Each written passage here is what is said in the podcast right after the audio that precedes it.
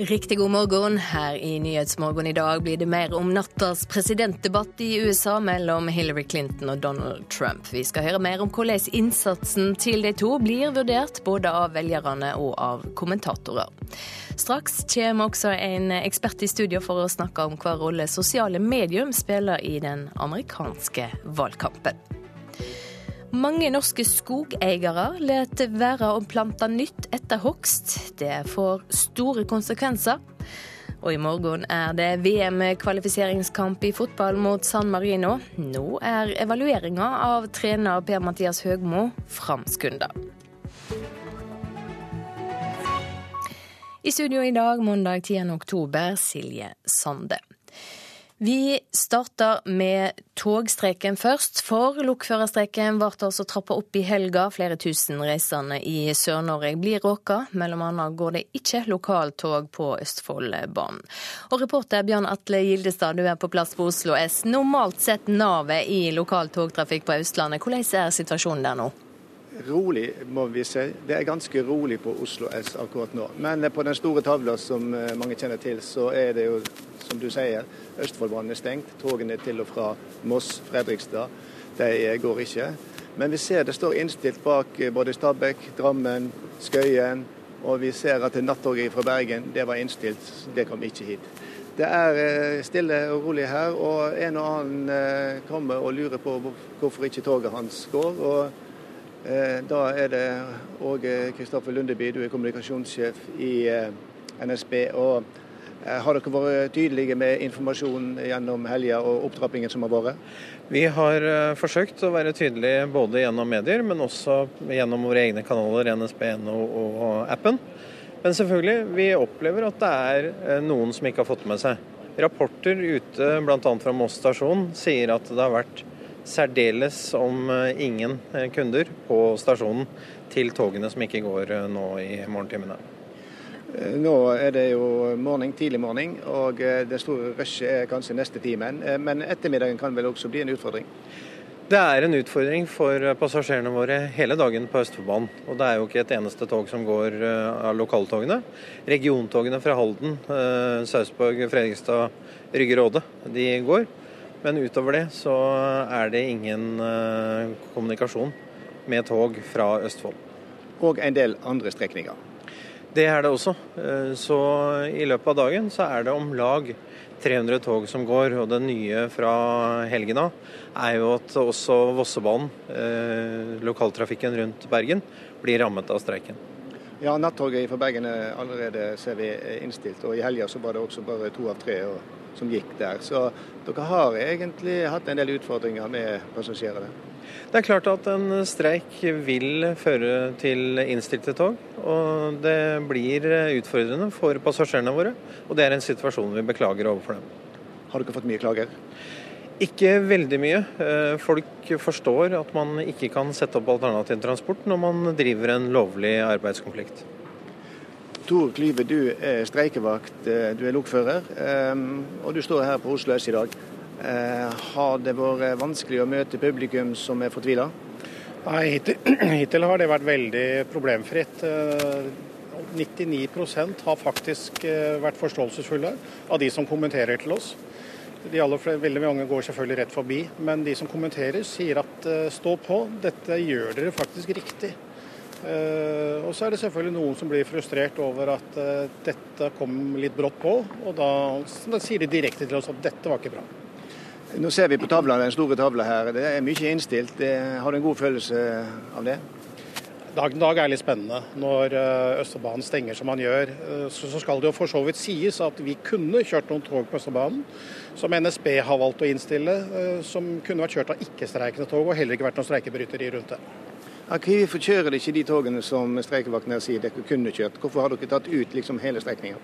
Det stemmer at vi kunne kjørt noen tog innimellom, men vi måtte ta en avgjørelse. Det er rett og slett for kundenes forutsigbarhet, men også pga. sikkerhet, at vi velger å innstille også de togene. Det var NSB ståa her på Oslo S eh, tidlig på morgenen. Tilbake til studio. Takk skal du ha, reporter Bjørn Atle Gildestad. Så til USA. Donald Trump sin vulgære språkbruk om kvinner tok opp mye tid eh, i nattas presidentdebatt. Dette var andre gang de to kandidatene møtte hverandre til eh, direktesendt TV-duell. Ordstyrerne gikk rett på sak og utfordret Trump på kommentarene han kom med i den omtalte videoen fra 2005. Are you saying that what you said on that bus 11 years ago, that you did not kiss women without consent or grope women without consent. I have great respect for women. Nobody has more respect for women than I do. I was embarrassed by it, but I have tremendous respect for women. Have you ever done those things? Have respect for me, and I will tell you, no, I have not. Donald Trump nekter for å ha gjort noe av det han sjøl sier i videoen, og påpeker at dette bare var prat på bakrommet. I'm not proud of it. I apologize to my family. I apologize to the American people. But this is locker room talk. You know, when we have a world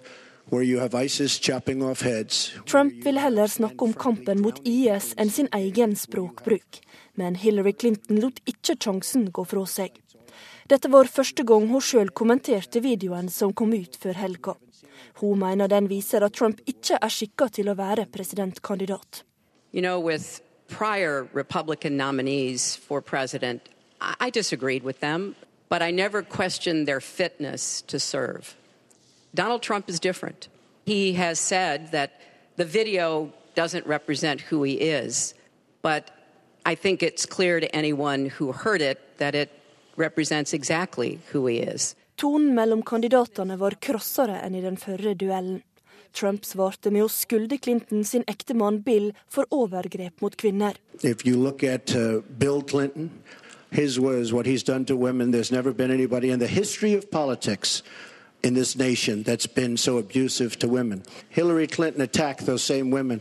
I think it's disgraceful, and I think she should be ashamed of herself if you want to know the truth. Can we please hold the applause? When I hear something like that, I am reminded of what my friend Michelle Obama advised us all. When they go low, you go high. Sjøl om mye av debatten ble viet til videoen av Trump, ble det også tid til å snakke politikk. Kandidatene fikk bl.a. spørsmål fra velgere i salen om hva de vil gjøre med den humanitære katastrofen i Syria. Trump sier at han ikke er samd med sin egen visepresidentkandidat Mike Pence, som har sagt at USA bør bombe Assad-mål dersom de holder fram med å angripe Aleppo. He and I haven't spoken, and I disagree. I disagree. You disagree I think we have to knock out ISIS. Clinton mener USA bør målrette innsatsen i Syria mot IS-lederen Abu Bark al-Baghdadi. Hun sier hun er åpen for å væpne kurdiske styrker i Syria, og utelukker bruk av amerikanske bakkestyrker i landet. I would not uh, use American ground forces in Syria. I think that would be a very serious mistake. Under debatten ble det også klart at Trump ikke lenger mener at alle muslimer skal bli nekta innreise til USA. It's called extreme vetting. People are coming into our country like we have no idea who they are, where they're from, and she wants 550% more. This is going to be the great Trojan horse of all time. Mot slutten av debatten fikk begge spørsmål om å nevne én ting de respekterer med hverandre. I respect his children. His children are incredibly able, and I think that says a lot about Donald. Clinton trekte fram barna til Trump, medan Trump sier at han har respekt for Clinton for at hun aldri gir opp. She's a fighter. I disagree with much of what she's fighting for. But she does fight hard and she doesn't quit and she doesn't give up. And I consider that to be a very good trait. Reporter her Marte Halsør. Så skal vi videre til deg, korrespondent Gro Holm. Hvordan vil du karakterisere nattas debatt? Det var en debatt preget av eh, ekstreme harde fronter mellom de to kandidatene. Det lyste fra dem begge eh, at de mislikte hverandre. De tok hverandre jo ikke i hendene engang, eh, slik det er vanlig å gjøre ved starten av debatten. Og de kom med harde utfall. Noen avbrudd, ikke så mange som sist, men noen avbrudd innimellom som, det lyste avstand og, forakt av, da, særlig fra Donald Trump. Ja, for Trump har jo vært i trøbbel de siste dagene, og det var knytta stor spenning til eh, hvordan han ville framstå? Ja, han, han, var nok mye mer i kontroll under denne debatten enn tidligere, men han startet jo da friskt med litt før debatten skulle starte å invitere tre kvinner som eh, hevder at de er voldtatt eller seksuelt trakassert av Bill Clinton på en pressekonferanse. Eh, og det var jo da for å eh, tvinge holdt på å si, oppmerksomheten bort fra hans egne uttalelser på dette elleve år gamle opptaket. Så han, han forsøkte jo også da og gikk til angrep på, på Bill Clinton. Og da Hillary Clinton ble bedt om å svare, så eh, forsøkte hun igjen å ro så fort som mulig eh, bort fra den saken, og, og, gikk over til å snakke om helt andre ting. Så ingen av dem eh, lyktes vel helt å få has på den andre den gangen. Eh, Trump fremsto som noe mer eh, kontrollert, og det var en noe mer like, likeverdig eller symmetrisk debatt denne gangen. Ja, vi hørte at eh, Syria var tema under ordskiftet, og Trump sa han var usamd med sin egen eh, visepresidentkandidat. Eh, hva skal vi se om det? Ja, han, eh, han, er jo bl.a. uenig når det gjelder eh, alliansen med, med, Russland. Altså, Trump ønsker jo og mener at det er viktigere å bekjempe IS, og da kan man godt samarbeide med både russerne og iranerne og Assad. Eh, mens Pence jo er, er uenig i det og har et langt mer kritisk syn på, på russerne og på, på Assad. Hva andre politiske saker brukte kandidatene mest tid på i denne debatten?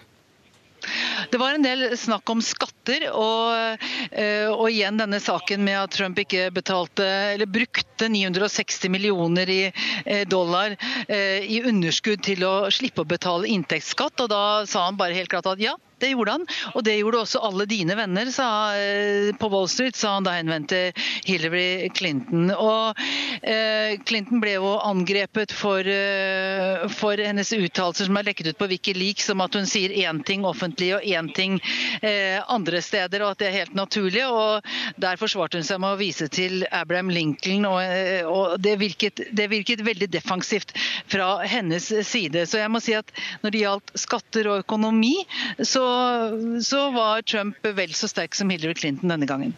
Gro, til slutt, hvordan er de første reaksjonene i USA etter ordskiftet? Noe av det folk som har reagert mest på, er selvfølgelig når, når uh, dette at Trump sa at han ville ha satt Hillary Clinton i fengsel hvis han ble president, og vil utnevne en spesiell, et, spesialetterforsker eh, hvis han blir president. Det å eh, si om sin motkandidat at han eh, vil sette henne i fengsel, det er det mange som har reagert på, både på demokratisk side eh, og også eh, en tidligere pressetalsmann for president George W. Bush blant annet, som sier at eh, slikt gjør man bare ikke. Så Det er vel kanskje det som har vakt sterkest reaksjoner. Ellers så er det den negative tonen diskusjonen, eh, og at dette vil gå over i historien som en av de skitneste debattene. Eh, det, er vel det som preger kommentarene så langt. Takk skal du ha, korrespondent Gro Holm med fra USA. Stipendiat Bente Karlsnes ved Universitetet i Oslo, du forsker på bruk av sosiale medier i valgkamper. Vi hører her at folk har reagert allerede. Eh, hvor mye betyr det som skjer, dømes på Twitter under og etter slike debatter? Ja, Det har blitt viktigere og viktigere de siste åra, fordi at eh, en ser at eh, stadig flere av velgerne får nyhetene sine via sosiale medier, og da særlig Twitter og, Facebook. Så det som skjer i sosiale medier er viktig for eh, hva slags saker de får med seg. Eh, og så er det også viktig i den forstand at eh, eh, det, kan påvirke mediedekninga. altså hva type sak eller hva type episoder, hva type sitat er det som får mest oppmerksomhet på Twitter, kan da få større gjennomslagskraft i, i tradisjonelle medier. Så ser, du, ser vi jo at Trump er kjapt ute etter debatter for å både kritisere og utdype synet sitt på flere saker. Ja, I dag så tok jeg og, telte over. og um, Både Hillary-kampanjen og, og Trump-kampanjen de tvitra ca. 50 ganger under debatten. Så dette her er massivt. Dette her foregår i forkant, det foregår under debatten. Og det er videoer, det er bilder, det er sitat. Uh, så dette her er for å ramme inn hva som er de viktigste poengene i debatten, hvem som er vinnerne. Hva er det som skiller to uh, partier? Det har vært litt sånn forskjell i, i tonen. Altså, Trump er kjent for å ha hatt en veldig sånn negativ eh, tone på sosiale medier. og Vi har hørt en sak om at eh, han tvitrer fra én telefon versus eh, kampanjen som tvitrer fra den andre. Og han er den som desidert tvitrer mest negativt. Men, men, det er klart at det, sånn som Hillary-kampanjen bruker enda mer tid og plass på og donasjoner f.eks. Samle inn penger. Det har ikke Trump brukt så masse energi på. Og så eh, er det slik at både media og kandidatene har fokusert på faktasjekking i større grad enn tidligere. Hva betyr det? Ja, den kampanjen her har vært eh, spesiell i den forstand at ene kandidaten har framstått som det de kaller pants on fire. At han har vært eh, notorisk med å si ting som ikke er riktig. Så, så, fokuset på faktasjekking har vært veldig sterkt i mediene, men også i kampanjene. Eh, og, og, mange av de store mediereaksjonene driver faktasjekk i realtid mens debatten foregår, så en kan følge med på, på, debatten og hva er det som er riktig og usant i, i, i debatten som eh, foregår på TV. Hvordan vil du si at begge sider bruker det som skjer i debattene i sosiale medier? De, de, bruker det for å lage et bilde, altså først og fremst av seg sjøl, men også ikke minst av motstanderen. Eh, og sette fram eh, kontraster, altså eh, hva de sier eh, i en debatt f.eks., versus hva de har sagt tidligere. Så, så det å skulle eh, rive ned motstanderen er veldig viktig bruk av sosiale medier for eh, kandidatene. Rett og slett arrestere dem? Ja, drive negativ kampanje. Mm. Bente Karlsnes, takk for at du kom hit i studio til Nyhetsmorgen. Hovedsaker her hos oss idet klokka er 6.49. Trump og Clinton har bretta opp ermene i den amerikanske valgkampen. I nattas debatt hagler det med skuldinger både om løgner og overgrep. Lokførerstreiken er trappa opp. Det råker flere tusen reisende i Sør-Norge. Mellom annet går det ikke lokaltog på Østfoldbanen. Og tysk politi har arrestert en 22 år gammel syrer som er mistenkt for å ha planlagt et bombeåtak i Tyskland. Så skal vi ha fotball. Diskusjonen om Per-Mathias Høgmos i framtid som norsk landslagssjef pågår for fullt etter tapet for Aserbajdsjan i VM-kvalifiseringa i helga. Nå skal evalueringa av landslagstreneren framskundes til etter morgendagens VM-kvalifiseringskamp mot San Marino. Toppfotballsjef Nils Johan Semb vil ikke spekulere i utfallet av evalueringa. Ja, det er eh, styret som, eh, som, avgjør. Det er de som, eh, som, gjør denne evalueringen. Så noe mer, enn, noe mer enn det kan ikke jeg si. Aserbajdsjan kommer tilbake, nå ute til høyre. Langs bakken kommer det et skudd! Å nei! Å nei! Å nei! Og atter nei! Det tok elleve minutter før Aserbajdsjan skåret mot Norge på lørdag. Det norske laget klarte aldri å slå tilbake, og dermed endte det med et begredelig 1-0-tap for Høgmos menn. Dermed var høstens tredje strake tap for Norge et faktum.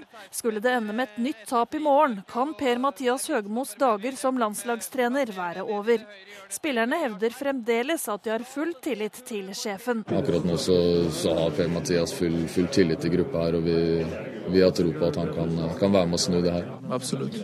Absolutt. Vi får bare fortsette å mate på. Det sier Jo Inge Berg og Haitam Alesami. Begge er klare for å revansjere tapet i morgen, når Norge tar imot San Marino på Ullevål. Han må skåre mål, da. Det, det, har vi jo ikke gjort med det siste, så det, det, det blir viktig. Det handler framfor alt om bare holde nullen og, og skåre mål. Så gjenstår det å se om Per-Mathias Høgmo også leder Norge etter kampen i morgen. For toppfotballsjef Semb er det i hvert fall bare én tanke som gjelder. Jeg tenker sånn at San Marino de slår vi, og det, det kravet har vi på oss. Det er en, en lilleputt som, som alle skal slå.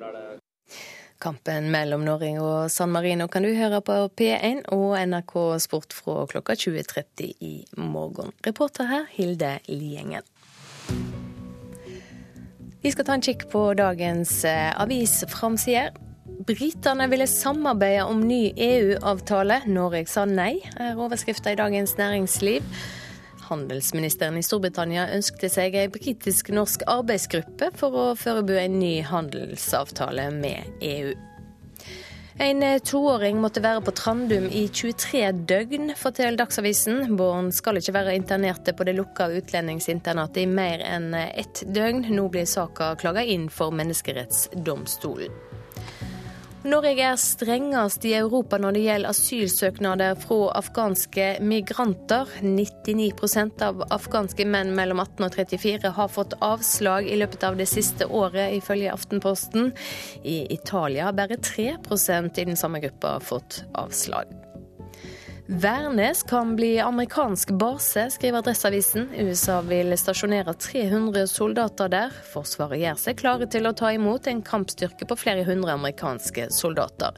Ifølge avisa kan ei slik avdeling være på plass i Stjørdal i løpet av kort tid. Råkjørere blir tatt i bøtter og spann på E80 i Lavangsdalen, skriver Nordlys. Flere verstinger er tatt på fersken i 130-140 km i timen på denne strekninga utenfor Tromsø, ifølge UP i Nord-Norge. Blå-blått stup på ny måling, skriver Klassekampen. Arbeiderpartiet får 38,5% på en fersk meningsmåling gjort for Klassekampen og Nasjonen, mens Høyre og Fremskrittspartiet til sammen faller 6 prosentpoeng. Nasjonen skriver at 45% av kvinnene foretrekker Jonas Gahr Støre. Statsbudsjettet vil føre til prisras for bruktbiler, fordi det blir mye billigere å importere brukt. Dersom avgiftsendringene blir vedtatt, vil bruktprisene rase for en rekke modeller, skriver Finansavisen. Kristian Valen vil flykte fra Norge, skriver VG. Komikeren kjenner seg trakassert og har meldt flere politifolk til Spesialenheter for politisaker. Kronprins Haakon legger ut bosteder på Skaugum uten godkjenning, forteller Dagbladet. Asker kommune har bedt om en forklaring. Sjøl beklager kronprinsen at det ikke har vært i orden, og de nødsynte tiltakene for å få ferdigattest fra kommunen er satt i gang.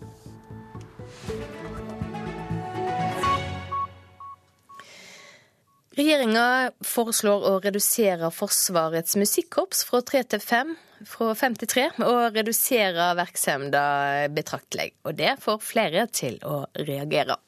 Det er en skandale. Det sier Hans Ole Rian, forbundsleder i Musikernes Fellesorganisasjon. Hvis regjeringen får det som de vil, blir Forsvarets musikkorps i Trondheim og Horten lagt ned, og virksomheten reduseres til kun å dekke Forsvarets behov. Med andre ord, det kan bli færre konserter for sivilbefolkningen, og dermed også kanskje mindre av dette. Forsvarsmusikken er en veldig viktig brobygger mellom folket og Forsvaret. Når de spiller konserter og marsjerer i gatene, når de spiller på statsbesøk for regjeringa, så er de jo Forsvarets ansikt utad. og Det er ofte der befolkninga møter Forsvaret først. Det faller ikke i god jord hos Jakob Børresen, pensjonert offiser fra Sjøforsvaret og representant for Arbeiderpartiet i kommunestyret i Horten. Hvert av disse orkestrene de har driftsutgifter i størrelsesorden eh, et par og 20 millioner kroner. Altså det er prisen på kanskje én torpedo. Hva betyr eh, forsvarsmusikken for et lokalsamfunn eller en by? Nei, jeg vil si den betyr nesten alt for eh, ikke bare det lokale, men for det regionale musikklivet. Vi står i fare for å miste en viktig inspirasjonskilde, en viktig et viktig miljø, en viktig kulturinstitusjon. Eh, punkt to så mister Forsvaret en, eh, en verdifull rekrutteringskilde til Forsvaret. I likhet med mange andre som gjør sin innspill i en prosess rundt et budsjett, så er det sånn at noen ganger så tar regjeringen innspillene til følge fullt ut, og andre ganger så velger de en annen modell sier Ole Asbjørn Fauske, sjef for Forsvarets fellestjeneste, som helst skulle sett at dagens korpsstruktur ble opprettholdt. Det er ikke noe tvil om at det faglige rådet fra musikkinspektøren og fra, og fra meg var å opprettholde dagens struktur. Men slik ser det altså ikke ut til å bli. Altså, forsvaret har jo et slagord for alt vi er og alt vi har. Og ved å legge ned disse orkestrene, så så legger vi ned noe av det vi er. Og det syns jeg vi bør ha en større bevissthet på.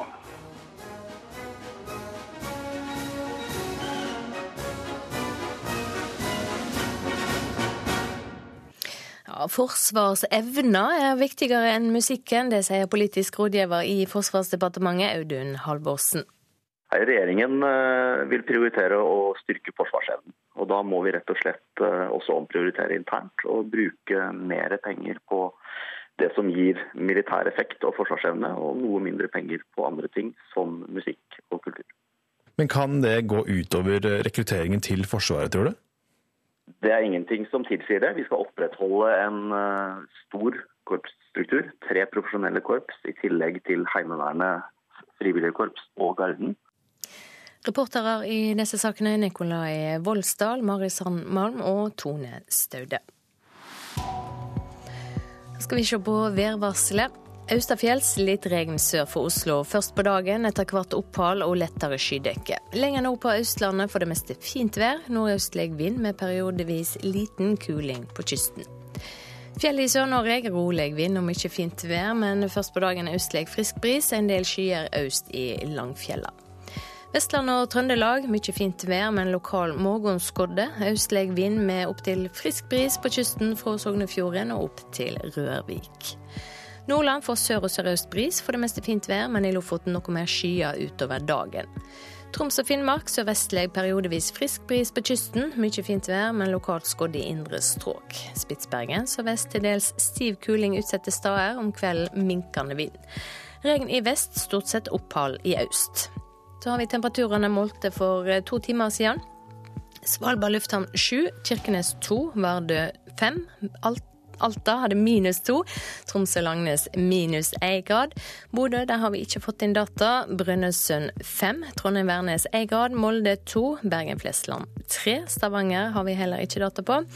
Kristiansand-Kjevik 7, Gardermoen 5, Lillehammer 4, Røros 0 og Oslo-Blindern 7 grader.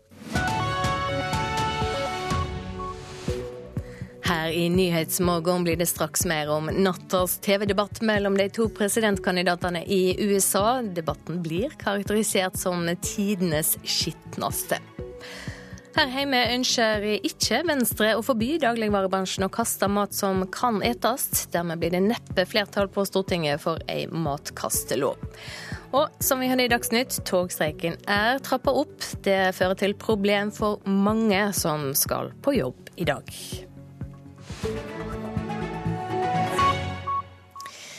Det Donald Trump har sagt om kvinner, tok opp mye tid i nattas presidentdebatt i USA. Dette var andre gang de to kandidatene møtte hverandre til direktesendt TV-duell. Ordstyrerne gikk rett på sak og utfordra Trump på det han sa i videoen fra 2005 som ble offentliggjort for få dager siden. Are you saying that what you said on that bus 11 years ago, that you did kiss women without consent or grope women without consent. I have great respect for women. Nobody has more respect for women than I do. Have you ever and done those women things? have respect for me. And I will tell you, no, I have not. Donald Trump nekter for å ha gjort noe av det han sjøl sier i videoen, og påpeker at dette bare var prat på bakrommet. I'm not proud of it. I apologize to my family. I apologize to the American people. But this is locker room talk. You know, when we have a world where you have ISIS chopping off heads. Trump vil heller snakke om kampen mot IS enn sin egen språkbruk. Men Hillary Clinton lot ikke sjansen gå fra seg. Dette var første gang hun sjøl kommenterte videoen som kom ut før helga. Hun mener den viser at Trump ikke er skikka til å være presidentkandidat. You know, with prior Republican nominees for president, I disagreed with them, but I never questioned their fitness to serve. Donald Trump is different. He has said that the video doesn't represent who he is, but I think it's clear to anyone who heard it that it represents exactly who he is. Tonen mellom kandidatene var krossere enn i den førre duellen.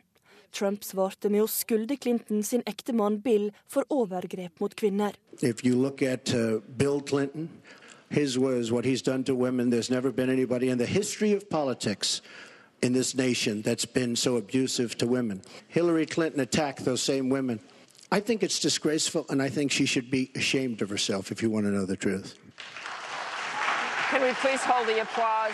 When I hear something like that, I am reminded of what my friend Michelle Obama advised us all. When they go low, you go high. Sjøl om mye av debatten ble viet til videoen av Trump, ble det også tid til å snakke politikk. Kandidatene fikk bl.a. spørsmål fra velgere i salen om hva de vil gjøre med den humanitære katastrofen i Syria. Trump sier at han ikke er samd med sin egen visepresidentkandidat Mike Pence, som har sagt at USA bør bombe Assad-mål dersom de holder fram med å angripe Aleppo. He and I haven't spoken, and I disagree. I disagree. You disagree I with think your we have to knock out ISIS. Clinton mener USA bør målrette innsatsen i Syria mot IS-lederen Abu Bark al-Baghdadi. Hun sier hun er åpen for å væpne kurdiske styrker i Syria, og utelukker bruk av amerikanske bakkestyrker i landet. I would not uh, use American ground Syria. I think that would be a very serious mistake. Under debatten ble det også klart at Trump ikke lenger mener at alle muslimer skal bli nekta innreise til USA. Men han vil ha en grundig bakgrunnssjekk. It's called extreme vetting. I don't want to have hundreds of thousands of people coming in from Syria when we know nothing about them. Mot slutten av debatten fikk begge spørsmål om å nevne én ting de respekterer med hverandre. I respect his children. His children are incredibly able, and I think that says a lot about Donald. Clinton trekte fram barna til Trump, medan Trump sier at han har respekt for Clinton for at hun aldri gir opp. She's a fighter. I disagree with much of what she's fighting for. But she does fight hard and she doesn't quit and she doesn't give up. And I consider that to be a very good trait. Reporter her, Marte Halsør. Med meg nå USA-korrespondent Tove Bjørgaas, du følger debatten i natt. Vi hørte at Trumps kvinnesyn fikk mye oppmerksomhet i ordskiftet. Samtidig så truga Trump med å straffeforfølge Clinton dersom han kommer til makta pga. den mye omtalte e-postskandalen. Hvordan ble det tatt imot? Dette er den styggeste og dystreste presidentdebatten i amerikansk valgkamphistorie, mener kommentatorene her. Jeg har aldri sett maken til debatt. Det var avbrytelser. Det var altså både denne at Trump sa at han ønsket å fengsle Clinton. Han kalte den også for djevelen, slik han har gjort på mange valgmøter. Men Clinton slo også tilbake og, og angrep Trump og sa at valgkampen hans er i ferd med å gå opp i røyk. Det var, det var stygt og det var veldig dystert. Og for velgere som ikke har bestemt seg, så gir kanskje ikke den debatten dem så veldig mye mer lyst til å, å stemme heller. Er du sammen i det, førsteamanuensis Hilde Restad ved Bjørknes høgskole? Man sitter jo egentlig litt rysta tilbake. Og det, det, er klart at det, det, er ikke vanskelig å være uenig i at det her kanskje er den styggeste debatten man har sett, når en av altså CNN sin Anderson Cooper måtte på en måte dobbeltsjekke med Donald Trump om han forstår at han har sittet og snakka om seksuelle overgrep. Og i, i, det her kom fordi at helt i starten av debatten så virka det ikke som om Donald Trump egentlig syntes at det var så veldig dumt. Han, han unnskyldte seg egentlig ikke for det. Så da måtte, da, da måtte Anderson Cooper dobbeltsjekke om Donald Trump forstår hva seksuelle overgrep innebærer. Og da svarer Donald Trump at nei, det er jo selvfølgelig ikke det han har snakka om. Og så begynte han å snakke om IS, den islamske staten. Så det her var en veldig merkelig debatt, og man sitter litt sånn rysta tilbake etter å ha sett på den. Tove, vil du se at Hillary Clinton hadde en fordel av, av bråket som har vært rundt Trump de siste dagene? Det er klart Hun hadde en kjempefordel. Trumps valgkamp er nærmest i, i, fritt fall. Men det må sies at Donald Trump altså nok en gang kom inn i denne salen og slo tilbake i natt. Og Det han gjorde, det var først og fremst å appellere til sine kjernevelgere ved å snakke om USA som et land der det er står elendig til. Han brukte ordet katastrofe ni eller ti ganger, tror jeg. Eh, og eh, Han gjorde ikke noe særlig forsøk på å forsøke å nå nye velgergrupper. Men det var også helt tydelig at dette er en presidentkandidat som på ingen måte har tenkt å, å, å gi seg slik mange republikanere har krevd i helga. Så her som jeg er nå på pressesenteret i St. Louis, så sier alle bare at nå, ja, nå går valgkampen videre. Ja, Man venter liksom stadig på at uh, Donald Trump skal oppføre seg som en vanlig kandidat, og at han snart skal begynne å fri til de her uavhengige velgerne. Og ikke minst, som det har blitt påpekt uendelig mange ganger, kvinnelige velgere med høyere utdanning som han er nødt til å nå for å vinne Det hvite hus. Og så gjør han bare aldri det. Han åpenbart har tenkt å snakke til og forholde seg til kjernevelgerne i det republikanske partiet, dem som valgte han som sin nominerte kandidat. Og det er klart, Basert på det vi så i natt, så virker det ikke som om Donald Trump er så veldig bekymra for uavhengige kvinnelige velgere med høyere utdannelse. Men, men han sier jo at han har en enorm respekt for kvinner. Ja, det sier han, eh, men det er jo ikke eh, Det står jo ikke til truende når man hører på den videoen som eh, kom på fredag. Og det, jo, det har jo kommet over helga veldig mange andre historier òg om måten Donald Trump har behandla kvinner på opp gjennom sin, sitt lange liv. Um, så det, men dem som ønsker å tro på Donald Trump, tror vel på han. Og alle andre sitter tilbake med sånn lett hoderystende holdning. Eh, Tove, hvordan er reaksjonene i USA etter debatten? Nei, som jeg sa i sted, Mange mener at Donald Trump nok en gang kom tilbake og gjorde det bedre enn ventet. Eh, kommentatorer her mener Clinton kanskje vant debatten, men at hun slett ikke var like god som i den forrige debatten. Hun, hun så litt skremt ut når hun kom ut på scenen. Eh, hun, hun, var veldig alvorlig hele veien. Eh, og hun sliter synes jeg, stadig med å oppnå denne kontakten med velgerne. Nå var det jo vanlige velgere som stilte mange av spørsmålene i denne debatten. Eh, men, men, men jeg syns ikke det så ut som de fikk de svarene fra henne heller som de ønsket. Så det mange peker på her, det er jo at slik situasjonen er i valgkampen nå, så burde Hillary Clinton ha ledet med flere titalls prosentpoeng. Men det gjør hun ikke fordi hun er en dårlig kandidat. Og i Det demokratiske partiet så er det jo mange som spør seg hvordan dette ville sett ut hvis det ikke var Donald Trump som var presidentkandidaten til republikanerne. Og Nå går dette altså videre eh, enda mer splittet enn før. For nå er det altså både splittelse mellom de to, men også denne dype splittelsen innad i det republikanske partiet, der vi nå nok vil se at mange republikanere eh, vil, vil enda flere vil fjerne seg fra Trump og vil drive valgkamp for Senatet og Kongressen uten eh, å støtte ham. Hilde Ristad, ifølge en måling fra CNN mener et flertall av TV-seerne TV at eh, det var Clinton som gjorde det best. Kunne hun ha gjort det enda bedre? Det blir, nesten, det blir så rart å snakke om hvem vant og hvem vant ikke, fordi forventningene til de to kandidatene er så ulike. Eh, Hillary Clinton er en veldig flink debattant, hun kan eh, de politiske sakene.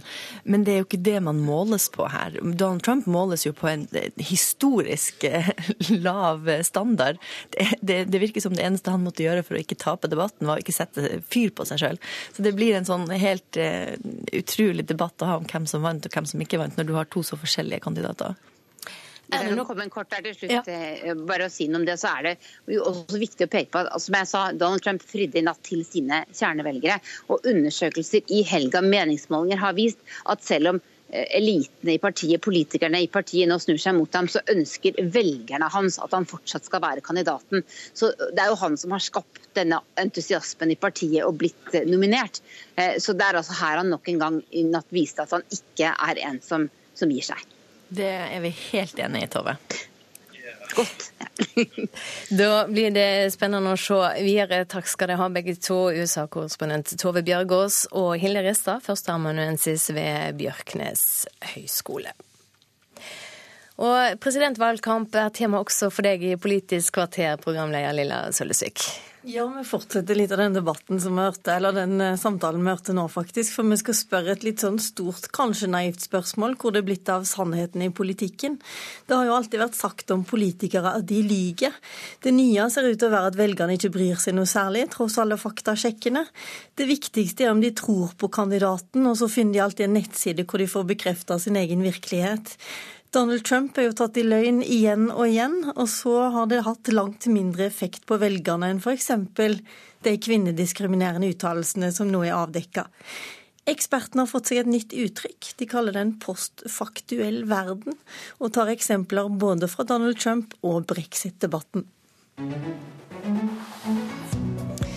Klokka er straks 7.15. Du hører på Nyhetsmorgen, og dette er våre hovedsaker i dag. Som vi hørte, det hagler med skuldinger både om løgn og overgrep i nattas debatt mellom Hillary Clinton og Donald Trump i USA.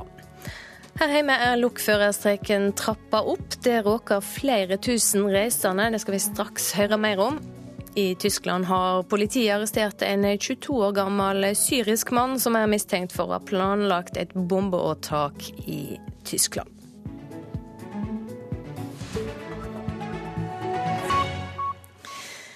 Da skal det handle om lokførerstreken som eh, ble trappa opp i helga. Flere tusen reisende i Sør-Norge blir råka. Mellom annet går det ikke lokaltog på Østfoldbanen. Også lokale regiontog på Bergensbanen er rammet av streiken. De fleste morgentogene fra Voss til Bergen er innstilte. Reporter Andreas Jonassen, du er på plass i Ski i Akershus. Hva gjør folk der for å komme seg på jobb? Eh, folk her virker i hvert fall som de har skjønt at de ikke kan ta toget, for på Ski stasjon er det veldig stille. Det er eh, noen streikevakter, men bortsett fra det er det ganske få mennesker. De fleste har nok fått med seg at det er en streik og at de må finne alternativ transport. Jeg har med meg streikevakt Jonny Hide. Hvordan har pågangen vært fra reisende her på stasjonen i dag morges? Hittil i dag så har det vært veldig rolig, rett og slett. Det virker som de fleste har fått med seg at eh, NSB valgte å kansellere de resterende avgangene som kunne gått. Så at det er pga. streiken det ikke går tog, er en overdrivelse. For 82 eh, av 165 avganger på Østfoldbanen kunne faktisk ha gått i dag. Hva sier dere til eh, folk som kommer hit til stasjonen og lurer på hva de skal gjøre? Nei, eh, Vi må bare beklage situasjonen. Vi må beklage overfor dem at det er blitt sånn som det er blitt. Vi forklarer dem hvorfor lokførerne er i streik. At det er pga. sikkerhet, og vi vil sikre en kompetansekravene våre. Og og så det jeg sa innledningsvis, at det, det kunne faktisk ha gått eh, nok tog til at folk hadde kunnet komme seg trygt til og fra jobb i dag. Hvordan er streikeviljen blant eh, dere som er her og generelt i gruppene? Streikeviljen er veldig, er veldig stor. Eh, rett og slett fordi at eh, vi, eh, vi, vil at fagmiljøet skal definere hva som skal være sikkerhet på, eh, på jernbanen i framtida. Et fagmiljø med Jernbanetilsynet og Norsk jernbaneskole, og ikke konserndirektør Isaksen. Eh, hvis folk i Ski skal inn til Oslo og ikke har fått med seg at det er streik, hvilke alternativer er det de har? Det går an å kjøre bil til innfartsparkeringa på Vinterbro. Det går an å ta buss til Vinterbro eh, og bytte buss derifra innover mot Oslo. Det er vel alternativer som finnes i dag. Eller kjøre bil til Oslo. Eh, kjøre bil er jo selvfølgelig en mulighet, men når jeg kjørte ut her til Ski stasjon, så så jeg at det var mye kø på E6 innover mot Oslo, så det kan være verdt å prøve buss. I hvert fall på Ski stasjon så er det ikke så veldig mye som skjer foreløpig. Takk skal du ha, reporter Andreas Jonassen. Venstre går imot et norsk forbud mot kasting av mat for butikker og matprodusenter. Og Dermed blir det neppe flertall på Stortinget for en såkalt matkastelov med det første. I Frankrike er det i dag forbudet for store matbutikker å kaste mat som fremdeles kan etes. Flere har tatt til orde for et lignende forbud her i landet.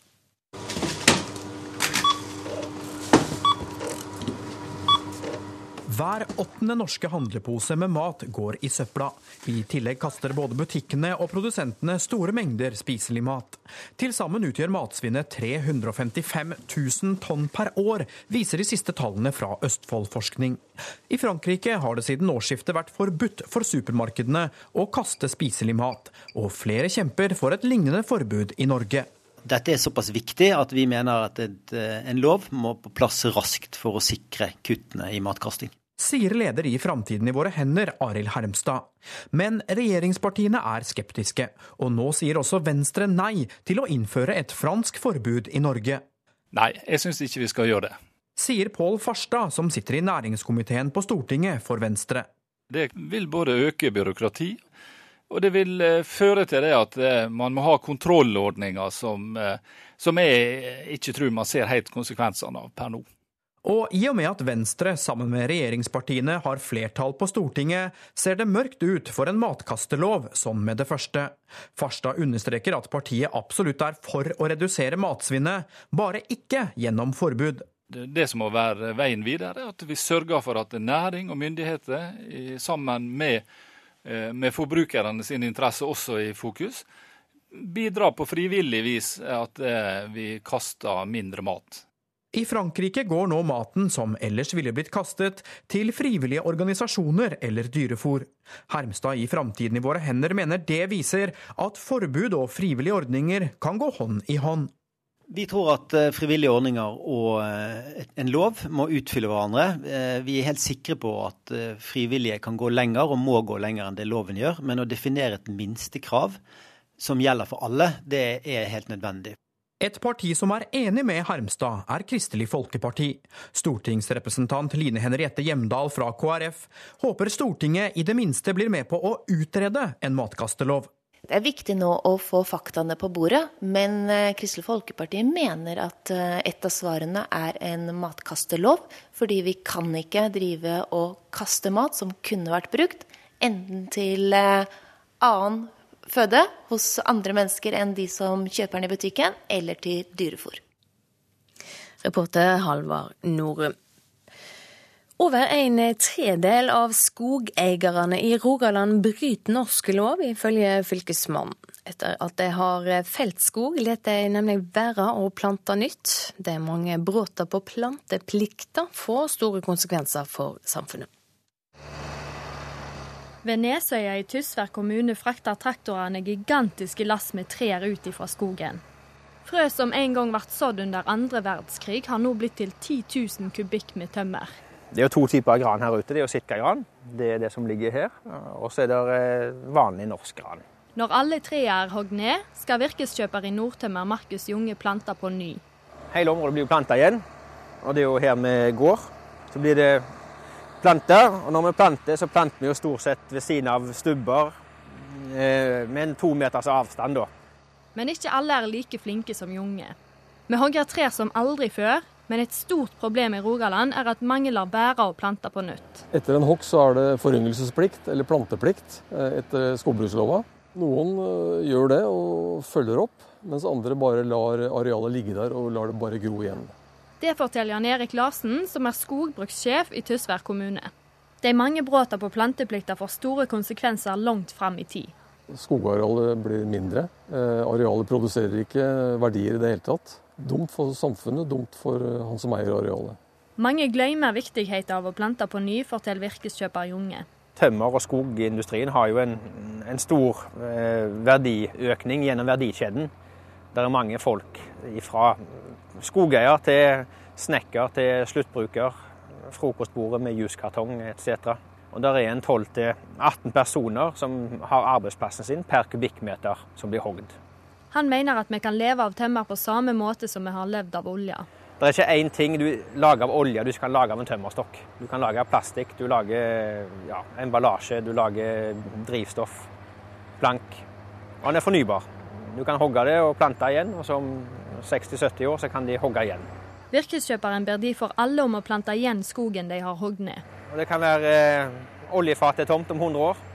Har vi mye skog da, så kan vi fortsette på en litt annen måte. Reporter Mai Helen Rolfsnes. Så en kikk på dagens aviser. Britene ville samarbeide om ny EU-avtale. Norge sa nei, er overskrifta i Dagens Næringsliv. Handelsministeren i Storbritannia ønskte seg ei britisk-norsk arbeidsgruppe for å forberede en ny handelsavtale med EU.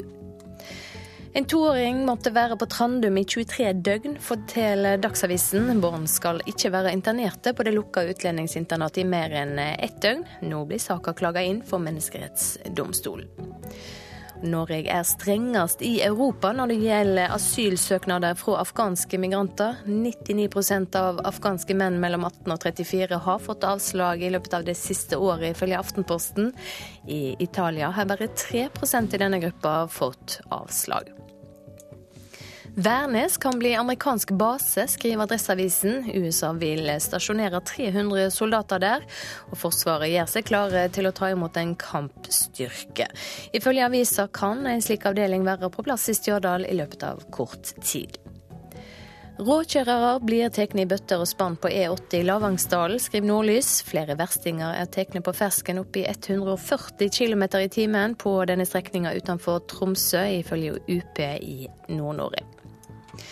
Blå-blått stup på ny måling, skriver Klassekampen. Arbeiderpartiet får 38,5% på en måling gjort for Klassekampen og Nasjonen, mens Høyre og Fremskrittspartiet til sammen faller 6 prosentpoeng. Nasjonen skriver at 45 av, 45% av kvinnene foretrekker Jonas Gahr Støre. Statsbudsjettet vil føre til prisras for bruktbiler, fordi det blir mye billigere å importere. Dersom avgiftsendringene blir vedtatt, vil bruktprisene rase for ei rekke modeller, skriver Finansavisen. Kristian Valen vil flykte fra Norge, skriver VG. Komikeren kjenner seg trakassert og har meldt flere politifolk til spesialenheter for politisaker. Kronprins Haakon legger ut bosteder på Skaugum uten godkjenning, forteller Dagbladet. Asker kommune har bedt om en forklaring. Sjøl beklager kronprinsen at dette ikke har vært i orden, og de nødsynte tiltakene for å få ferdig attest fra kommunen er satt i gang.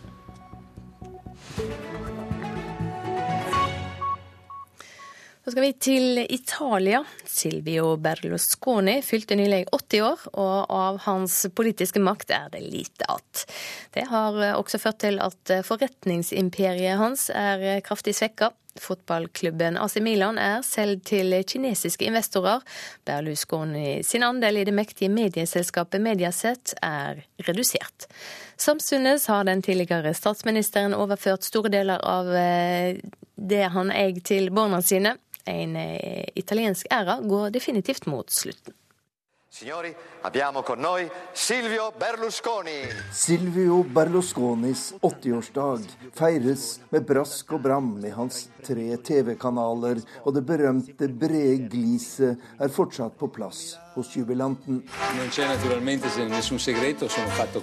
De fleste nordmenn forbinder Berlusconi med maktmisbruk, tåpelige uttalelser og kvinneskandaler. Men her i Italia er det fortsatt mange som setter pris på ham. Han er en stor mann. Kanskje ikke en stor politiker, men en stor mann. Og jeg gratulerer så mye med 80-årsdagen, sier en mann på gata her i Roma. Men selv om han fortsatt har mange venner, så er det lite igjen av suksesshistorien Silvio Berlusconi. Både politisk og privat har han opplevd store tilbakeslag de siste årene, og hans enorme forretningsimperium vakler. Fansen til fotballaget Milan jubler etter en seier over Barcelona. For Milans mangeårige eier Silvio Berlusconi har storlaget fra Milano vært et viktig symbol på hans suksess, både som forretningsmann og politiker. Men de siste årene har det gått dårlig for Milan, både sportslig og økonomisk, og Berlusconi er nå i ferd med å selge klubben til kinesiske investorer. Juvelen i krona for milliardæren Silvio Berlusconi er TV-imperiet, som har gitt ham svimlende inntekter og enorm politisk innflytelse de siste 30 årene. Men de siste årene har medieselskapet Mediaset tapt store summer, og i fjor ble en stor aksjepost i firmaet solgt. Samtidig overfører Berlusconi stadig mer av forretningsimperiet til sine barn. 80 år gammel er Silvio Berlusconi en skygge av sitt gamle jeg. Men selv om han ikke lenger er Italias rikeste og mektigste mann, så har han definitivt til salt i maten så lenge han lever. Onorevole Silvio Berlusconi. Denne reportasjen var laga av Arnt Stefansen. I utenriksreportasjen etter Dagsnytts hovedsending skal vi til Tyrkia, der kritisk journalistikk har enorme utfordringer. Produsent for Nyhetsmorgen i dag, Marit Selmer Nedreli. Her i studio, Silje Sande.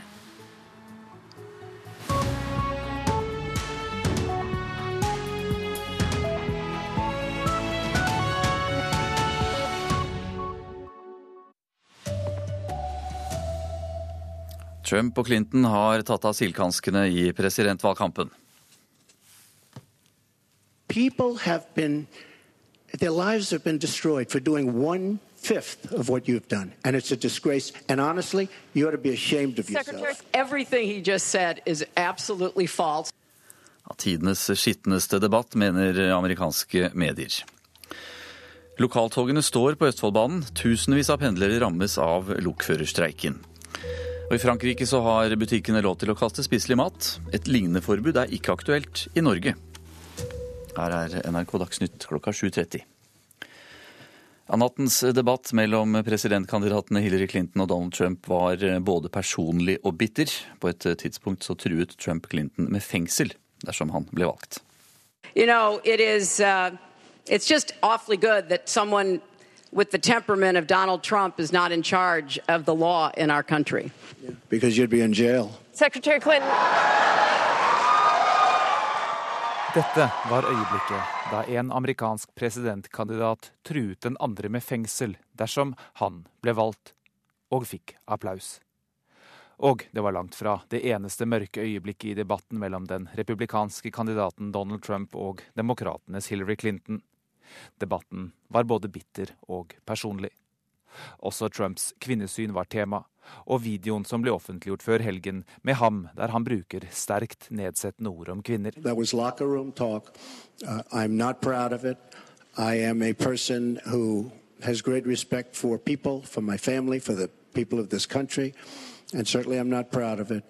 If this were just about one video, maybe what he's saying tonight would be understandable. But everyone can draw their own conclusions at this point about whether or not the man in the video or the man on the stage respects women. Han unnskylder det som garderobeprat. Hun mener det speiler hans personlighet. Det var likevel ikke en debatt helt fri for politisk substans. De to kandidatene brukte også tid på helseforsikring og skatt bl.a., og til slutt presset programlederne fram et spørsmål om hva de respekterer med hverandre. I respect his children. His children are incredibly able and devoted, and I think that says a lot about Donald. I will say this about Hillary she doesn't quit, she doesn't give up. I respect that. I tell it like it is. She's a fighter. Ja, Til slutt så hørte vi Clinton eh, respekterte Trumps barn, og Trump eh, sa at Clinton aldri ga opp. Reporter her, det var Sigurd Falkenberg Mikkelsen. Ja, USA-korrespondent Tove Bjørgaas, eh, forsøk på en litt forsonende tone mellom de to på slutten her, hørte vi. Men hvordan artet egentlig denne debatten seg? Dette var en debatt amerikanerne aldri har sett maken til. Det er den dystreste og mørkeste debatten jeg noensinne har sett. Det var avbrytelser og det var altså beskyldninger om ja, eh, Trump kalte Clinton for djevelen og sa at hun burde settes i fengsel. Clinton sa at Trumps valgkamp er i ferd med å gå opp i røyk. Og programlederen måtte avbryte de to gang på gang eh, fordi de hele tiden avbrøt eh, hverandre. Ja, hvordan er reaksjonene i amerikanske medier? Nei, Det alle lurte på når vi kom hit til eh, St. Louis i dag, det var jo hva Donald Trump skulle gjøre etter denne voldsomme krisen rundt dette opptaket hvor han snakker eh, i seksuelle ordelag om kvinner. Eh, men han kom altså ut i debatten i kveld full av selvtillit, ba om unnskyldning og fortsatte å fri til sine kjernevelgere. Og Kommentatorene mener faktisk at, han, at de gjorde det omtrent like bra slik sett, men at det er lite trolig at Trump klarte å nå så mange nye velgergrupper slik han framsto i denne debatten. Han tegnet et bilde av et dystert USA med store problemer og sa at Clinton ikke klarer å, å løse dem. Eh, men Clinton var heller ikke veldig eh, engasjert, og hun var ikke like god som i den forrige debatten. Men det som i hvert fall er sikkert nå, det er at Donald Trump fortsetter valgkampen sin, eh, og at splittelsen i det republikanske partiet fortsetter i dagene og ukene framover. Førsteamanuensis ved Bjørknes høgskole, Hilde Restad, du er også i studio nå. Hva syns du om nattas debatt? Jeg tenker at Det er veldig viktig at vi ikke normaliserer ting som ikke er normalt. Det vi, vi så og hørte fra Donald Trump eh, er ikke normalt og burde ikke være normalt i amerikansk politikk. Eh, og Det er klart at det, det, er veldig uvanlig å true din motstander med at du skal kaste henne i fengsel hvis du blir, blir president. Men det er jo også Donald Trump, hvis han var en normal kandidat, ville selvfølgelig prøvd å moderere seg kraftig i denne debatten for å fri til de uavhengige velgerne han trenger for å vinne Det hvite hus, og særlig da uavhengige kvinnelige velgere med høyere utdanning. Der har han store problemer. Eh, men det gjorde han altså ikke. Som Tove sa, så har han rett og slett bestemt seg for at Donald Trump skal kun snakke til og bry seg om kjernevelgerne i det republikanske partiet som valgte han som deres kandidat. Og det ble åpenbart eh, i natt når vi så debatten. Ja, for nå sier jo kommentatorer eh, at Clinton vant debatten, men kanskje ikke så overlegent som mange hadde ventet. Og da er jo spørsmålet hvor svekket Donald Trump egentlig er etter denne debatten? Det kommer helt an på hvilken velgergruppe man ser på. Jeg tror helt sikkert at kjernevelgerne i det republikanske partiet syns at Donald Trump gjorde en kjempedebatt. Eh, det er jeg overbevist om. Alle de andre antar jeg, som så debatten, vil synes at det her var en enormt merkelig og litt skummel prestasjon. Og da han fikk Det er jo veldig rart at du i starten av en presidentdebatt må undersøke om en av kandidatene forstår at de har blitt tatt for å snakke om seksuelle overgrep.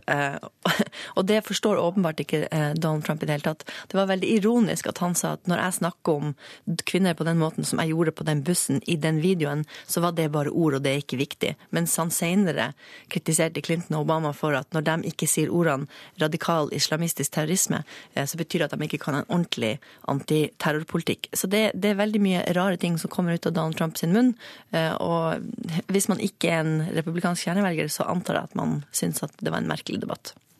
Takk skal du ha, førsteamanuensis ved Bjørknes høgskole, Hilde Restad. Så er det altså én TV-debatt igjen, så får vi se hvor eh, avgjørende den eventuelt blir. Nå skal det handle om eh, lokførerstreiken her hjemme. Den gjør at 20 000 passasjerer må finne annen transport i dag. Reporter eh, Knut Erik Solhaug, du skal befinne deg oppe i et helikopter over Oslo nå. Er det noe som tyder på veiene at det er mer biltrafikk pga. togstreiken? ekstra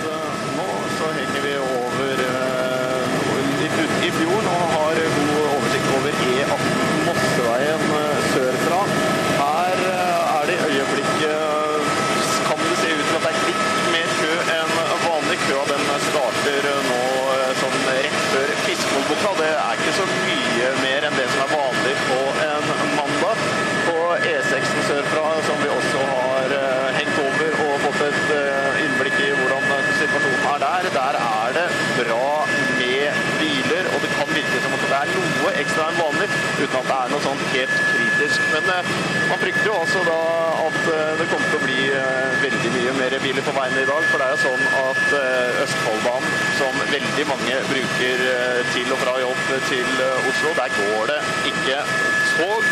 20 000 passasjerer fraktes der daglig.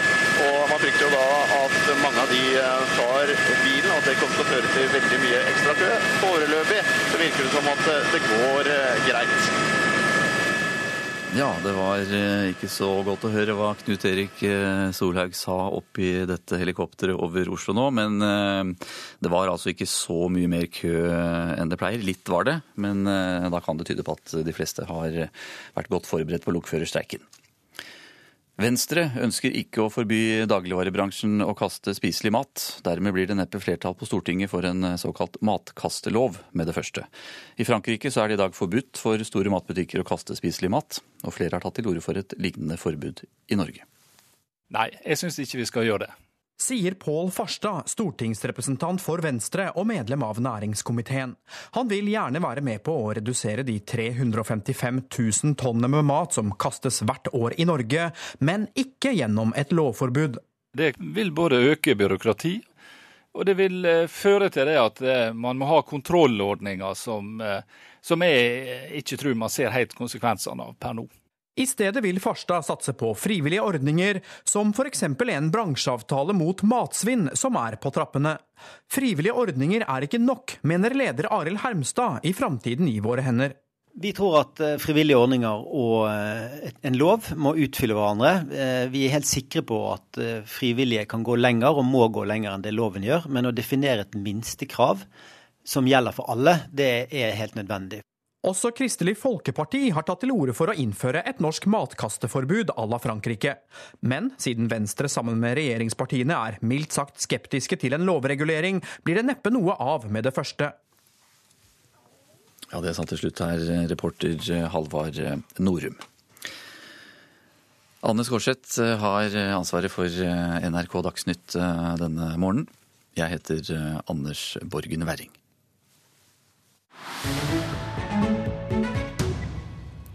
Her i Nyhetsmorgen skal vi til eh, Tyrkia nå.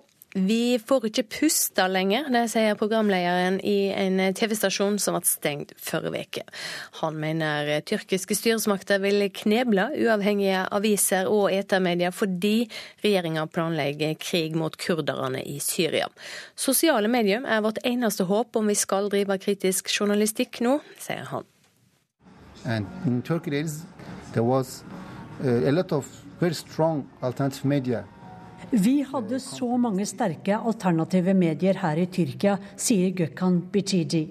Han var programleder i kanalen IMJ TV, som ble stengt sist tirsdag da politiet la ned kanalen mens den var på lufta. Vi tok først og fremst opp situasjonen for kurdere. Men vi var også et talerør for marginaliserte grupper som alevitter, venstreorienterte og homoaktivister. Vi var HDP-partiet på TV, sier han. HDP er det nye venstreorienterte kurdiskvennlige partiet som overraskende fikk 13% av stemmene ved valget i fjor.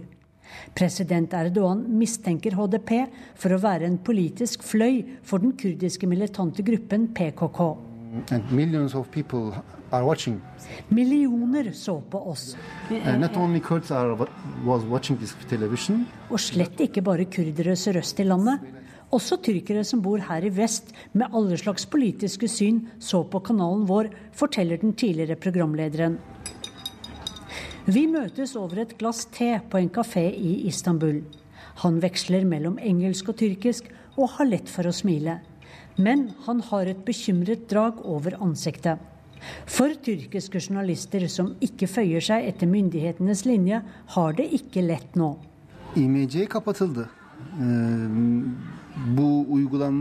Regjeringen sa at unntakstilstanden skulle brukes mot kuppmakerne og gulenistene. Men nå bruker de den til å knuse all opposisjon. For nå kan de stenge alle medier de måtte ønske, uten å ha rettens godkjennelse, forklarer Gökhan Bijiji, som mener at kårene for ytringsfrihet aldri har vært verre i Tyrkia. Hvorfor tror du kanalen din ble stengt nå, spør jeg. E, kesilen... Det er fordi regjeringen forbereder seg på en krig i Syria mot kurderne. Derfor ønsker ikke de noen sterk opposisjon på hjemmebane nå, mener han.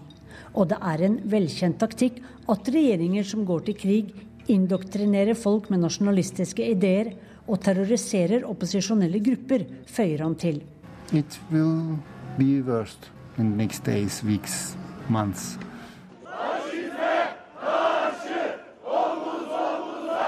Frie medier kan ikke knebles.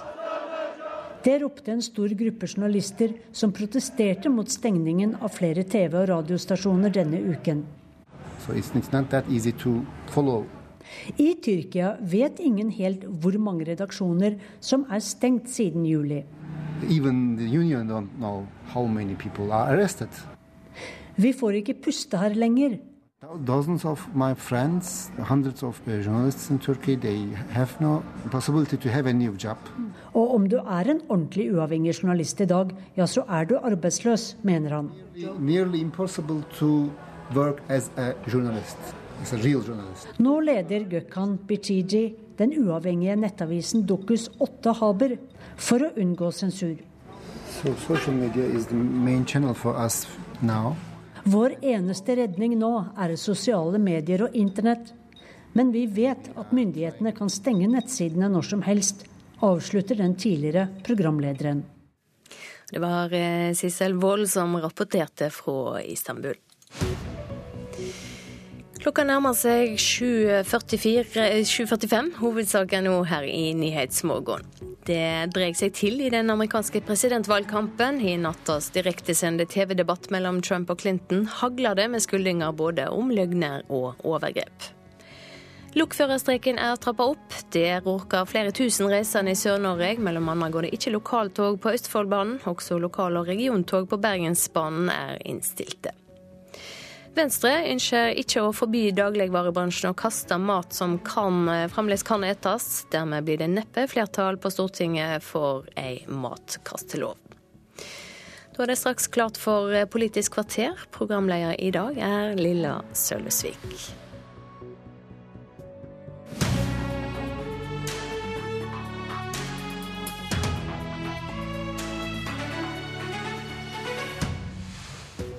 Clinton og Trump blir faktasjekka opp, ned og i mente.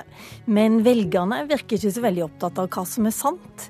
Du har kanskje fått med deg det nye uttrykket 'vi lever i en postfakta-virkelighet'. Well, everything you've heard just now from Donald is not true. I'm, I'm sorry I have to keep saying this, but he lives in an alternative reality. Clinton snakker om en alternativ virkelighet, men helt ærlig. Politikere har aldri vært kjent for å fortelle den hele og fulle sannheten. Men Donald Trump har blitt kjent for å fortelle flere usannheter enn de fleste andre politikere. I alle fall som har kommet så langt i en valgkamp. Og nå sitter du her, Bente Karlsnes, stipendiat i medier og kommunikasjon ved Universitetet i Oslo, og du er litt sjokkert over eh, debatten som du har hørt på i natt? Ja, jeg er ikke overraska, men allikevel sjokkert i den forstand at det er et uh, nivå som er veldig, veldig lavt. Fordi, uh, fordi det, er enormt mange personangrep i denne debatten her. Uh, og vi ser også at det gjentar seg med, med usannheter, og, og, det blir nå påpeka underveis, både av Hillary Clinton og faktasjekkere i, i mediene. Så, så, vi ser mange av de samme tingene som vi har sett tidligere med, med Trump sin eh, Ja, altså måten han bruker et litt vagt forhold til sannheten. Ketil Raknes, du er lektor på Høgskolen Kristiania.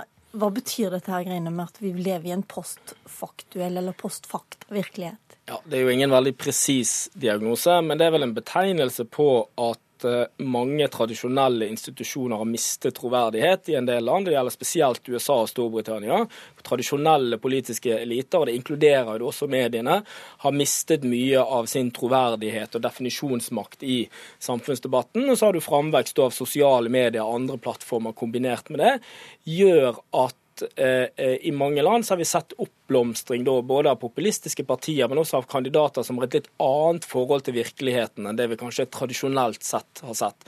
Brexit er jo ofte trekket, trukket fram som et eh, eksempel, men også Trumps kampanje og en del høyrepopulistiske partier i Europa blir ofte brukt som eksempler på en debattform der skillet mellom på en måte det vi oppfatter som mer normal journalistisk definisjon av virkeligheten, og en mer det vi grenser opp mot propaganda og mer eh, demagogi, da, den er høyst eh, flytende. Vi skal høre litt sånn eksempel på dette her med sannhet er jo et relativt begrep ofte, og ofte er det politisk også hva man oppfatter som en sannhet. Men eh, i visepresidentdebatten for en uke siden så kom den demokratiske visepresidentkandidaten med en rekke påstander om hva Trump har sagt. I alle tilfellene så påsto motdebattant Mike Pence at dette har Donald Trump aldri sagt. Men så er det jo sånn at eh, mange av disse uttalelsene fins på bånd. Spørsmålet var f.eks. om Trump faktisk har skrytt av Putin, om han ikke visste at Russland har gått inn i Ukraina, om han går inn for massedeportasjon av illegale innvandrere, og om han mener kvinner som tar abort, bør straffes. Følg med nå, dette går fort.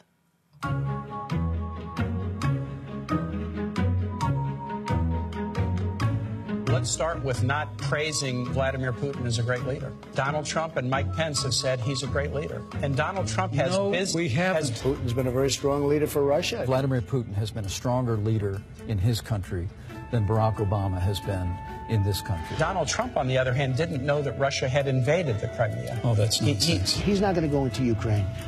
Uh, you can mark it down, you can put it down, you can take it anywhere well, he's already there, isn't he?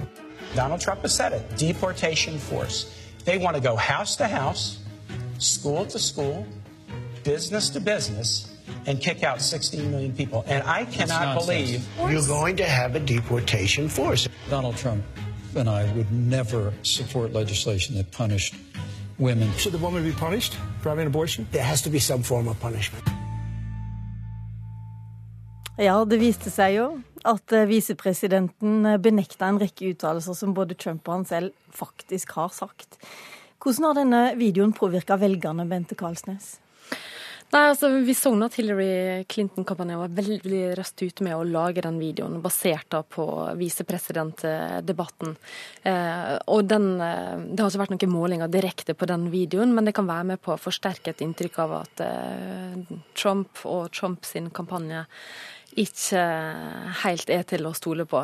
Eh, en får iallfall på en måte beviser mot uh, uh, satt opp her. Men vi mista Trump noen velgere på det? Jeg tror ikke han mista sine kjernevelgere. Og det går litt tilbake på det vi snakka om eh, tidligere, at eh, de er egentlig ikke så opptatt nødvendigvis av hva massemediene sier, fordi de har kanskje alternative kanaler som de hører mer på. Hvis de i utgangspunktet har lav tillit til mediene, så trenger ikke å forholde seg til deres faktasjekker. Du har eh, akkurat levert en avhandling du, om eh, sosiale medier og valgkamp. Eh, og da lurer vi jo på, er det de sosiale mediene som har skylda igjen, når sannheten kanskje faller litt ut? Ja, det er iallfall noen endringer i offentligheten, i den forstand at det, eh, det, er mange flere muligheter for å få sagt eh, det en ønsker. En må ikke gå gjennom mediene for å få oppmerksomhet, og en kan få ganske store tilhengerskarer via sosiale medier. Eh, og, og, da trenger en heller ikke å forholde seg til de faktasjekkerne i så stor grad. Men gjelder dette her stort sett i USA, eller er dette noe du ser eksempler på også i Norge? Det, dette gjelder overalt der en har tilgang til, eh, til sosiale medier. Men det, det, det, har litt med hvor, eh, hva situasjonen er mediene i. Altså hvor sterke eller svake er de. For hvis en har da sterkere medier, så kan en lettere kunne eh, få fram hva, hva er det faktisk som er tilfellet. Og så handler det også om hva type tillit har en da til mediene. En, eh, altså I Norge så har vi høyere tillit til, til, mediene enn i USA, og det gjør også at vi kanskje har litt mer tiltro når de faktisk legger fakta på bordet. Kan dette skje i Norge også? Det kan det. Fordi?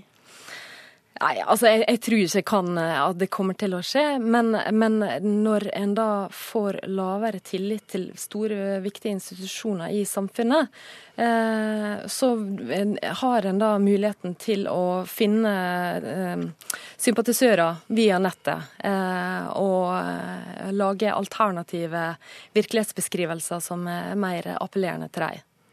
Hvem som vant eh, debatten i natt, eh, Ketil Raknes, det handler vel litt da om både hvem du spør, men også om eh, hvilket nettverk du lener deg etter? Jeg tror vi vil si det sånn at Trump overlevde et viktig slag, og så tapte han krigen. Um, og det vil si sånn, De fleste som så på, vil mene at Hillary Clinton vant, men Trump gjorde det bedre enn forventet på forhånd. For Forventningen var jo at han skulle synke gjennom gulvet og forsvinne som presidentkandidat. Så han overlevde jo for uh, at han kan fortsette kampanjen sin og kanskje stoppe noe av den flukten han har sett fra sin egen uh, kampanje. Men bare liksom tilbake til det som Bente sa, så tror jeg vi skal skille veldig skarpt mellom ulike land i denne diskusjonen eh, her. Sånn, Norge er et land hvor fortsatt folk har veldig høy tillit til både de politiske institusjonene og medieinstitusjonene. og Dermed vil kandidater av typen Trump falle mye mer gjennom i vårt demokrati.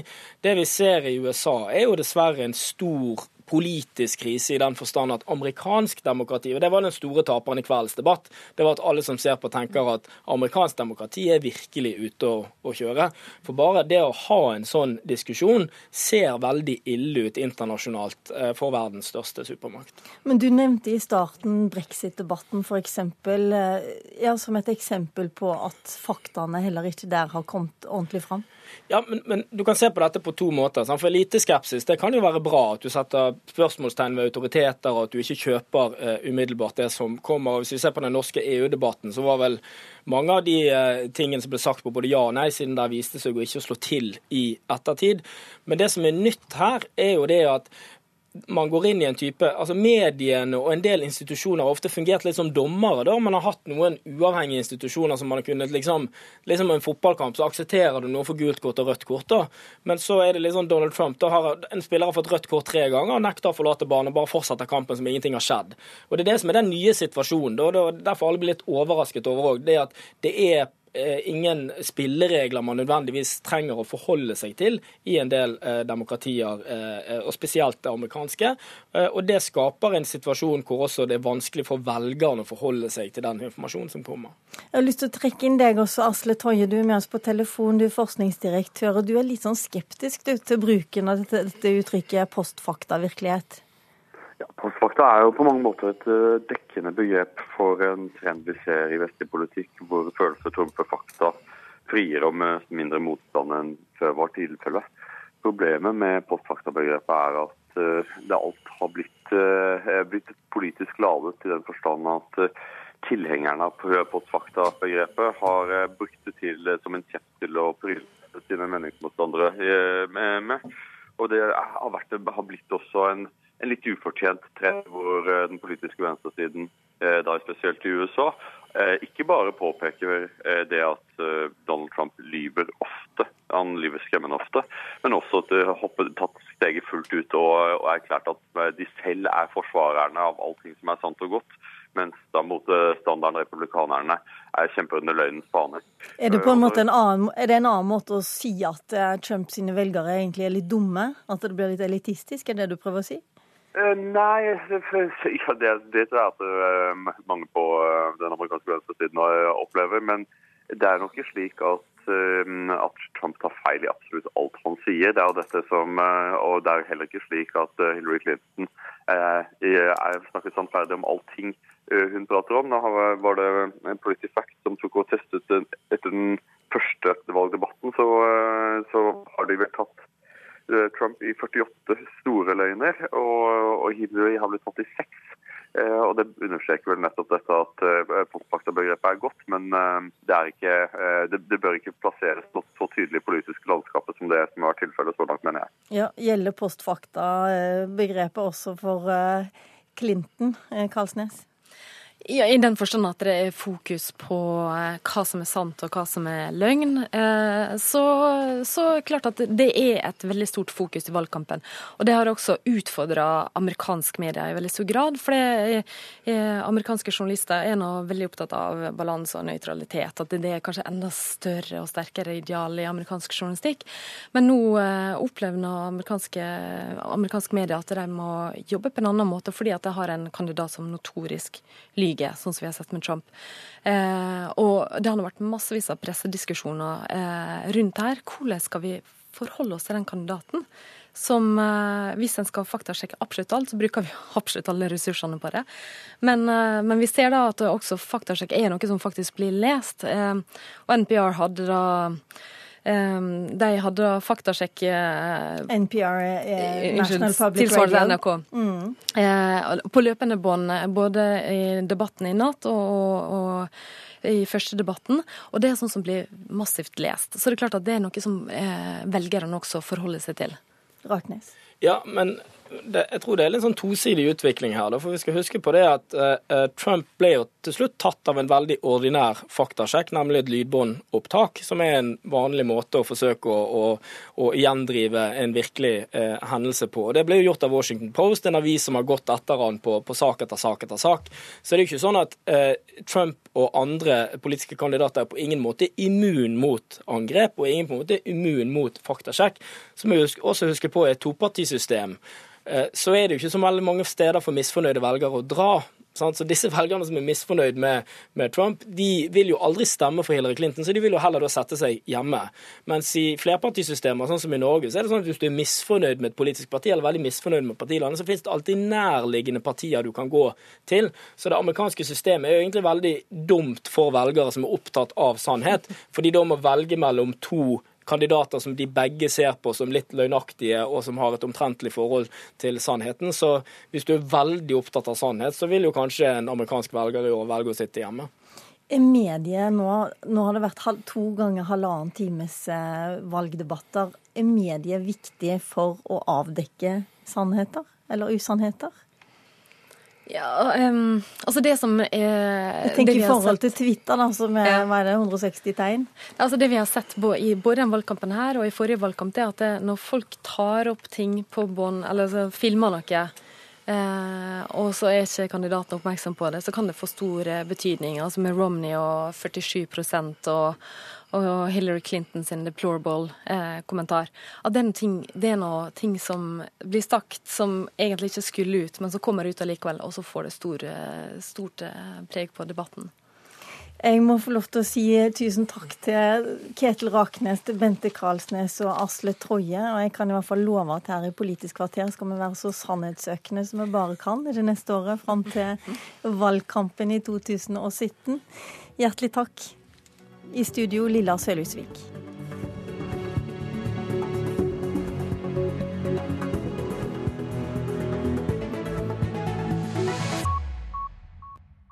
Hør flere podkaster på nrk.no podkast.